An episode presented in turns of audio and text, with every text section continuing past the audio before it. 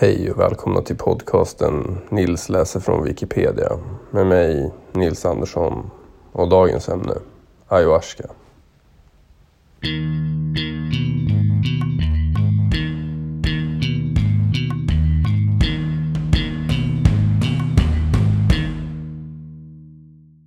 Ayahuasca. Ayahuasca kommer från orden aya som betyder själ och vaska, vin. Själarnas lian är en annan vanlig översättning. Namnet är ett av många namn på den bladväxt som heter kapi. Men det används ofta som ett samlingsnamn för den psykedeliska brygd som görs på en kombination av kapi och någon växt innehållande DMT. Ayahuasca-preparat har en lång användning inom shamanska riter i det som idag är regnskogen i Peru. Människor som konsumerat ayahuasca rapporterar ofta om andliga uppenbarelser angående deras plats och syfte på jorden, universums sanna natur, samt djupa insikter i hur de kan leva ett mer positivt och meningsfullt liv. För många blir det ett uppvaknande som ibland beskrivs som en pånyttfödelse. Det är inte ovanligt att användare i efterhand beskriver upplevelsen som det absolut svåraste, men viktigaste och mest meningsfulla de gjort i sina hela liv.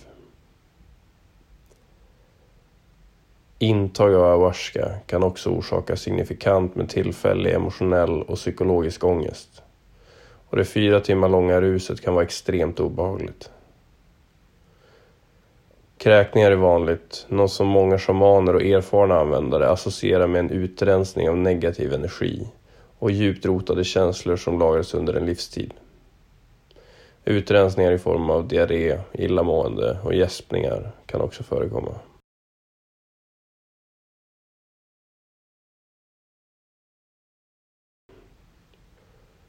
Ett fåtal dödsfall har rapporterats i samband med intag av ayahuasca.